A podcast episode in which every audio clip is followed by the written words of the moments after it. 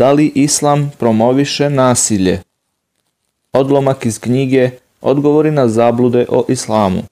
Dr. Zakir Naik Zabluda Kur'an na nekoliko mesta poziva na nasilje. Islam promoviše nasilno ponašanje. Nekoliko kuranskih ajeta, to jest odlomaka, se često pogrešno tumači u kontekstu mita – o islamu kao religiji koja poziva sledbenike na nasilje i ubijanje svih koji joj ne pripadaju. Ajet, odlomak poglavlja et-teuba, pokajanje. Sledeći ajet, to jest odlomak iz poglavlja et-teuba je veoma često citiran u kontekstu kritikovanja islama s ciljem dokazivanja da islam promoviše nasilje, ubijanje i krvoproliće. Ubijte mnogobožce gde god ih nađete. Poglavlje Eteuba, odlomak broj 5. Kontekst ovog ajeta tiče se bojnog polja. Neprijatelji Islama ovaj ajet, to jest odlomak, citiraju van konteksta. Da bismo razumeli kontekst, moramo da počnemo od prvog ajeta spomenute sure, to jest poglavlja.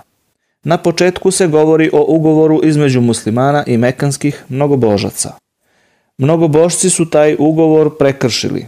Nakon toga dat im je period od četiri meseca da se poprave i da se povrate, u suprotnom bit će im objavljen rat. Peti odeljak poglavlja Eteube kaže Kada prođu sveti meseci, ubijajte mnogobožce gde god ih nađete, zarobljavajte ih, Opsedajte i na svakom prolazu dočekujte. Pa ako se pokaju i budu molitvu obavljali i zekat davali, ostavite ih na miru, jer Bog zaista prašta i samilostan je. Kur'an et Teuba Ovaj ajet je citiran za vreme bitke. Primer Vijetnamskog rata Svima je poznato da je Amerika bila u ratu sa Vijetnamom. Pretpostavimo da je predsednik Amerike ili glavno komandujući oružanih snaga neposredno pred bitku rekao svojim vojnicima. Gde god nađete Vijetnamce, ubite ih.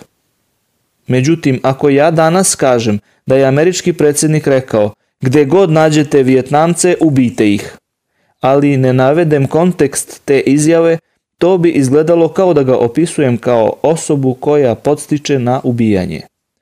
Ali ako uz tu izjavu navedem i njen kontekst, onda će da izgleda kao sasvim logično. Jer se predsednik samo trudio da poveća moral vojnika pred presudnu bitku.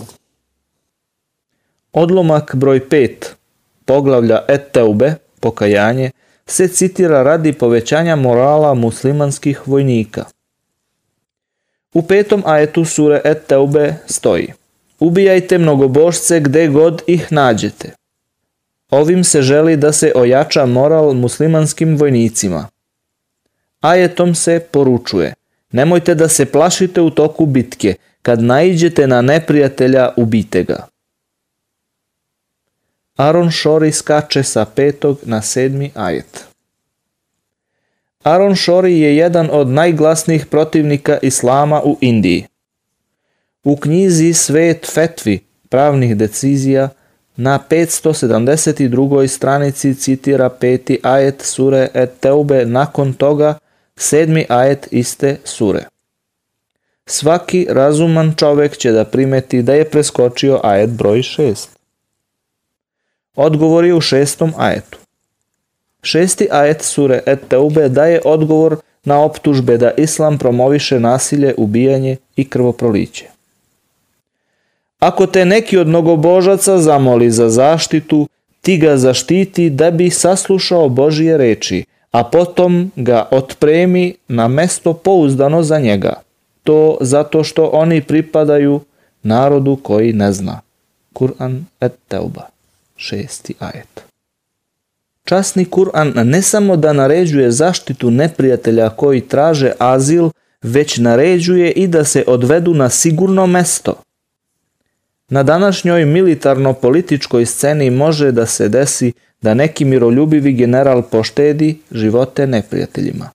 Ali koji će general da naredi vojnicima da svakog od njih isprate do sigurnog mesta? Uzvišeni Bog upravo ovo naređuje u časnom Kur'anu, promovišući tako mir u svetu.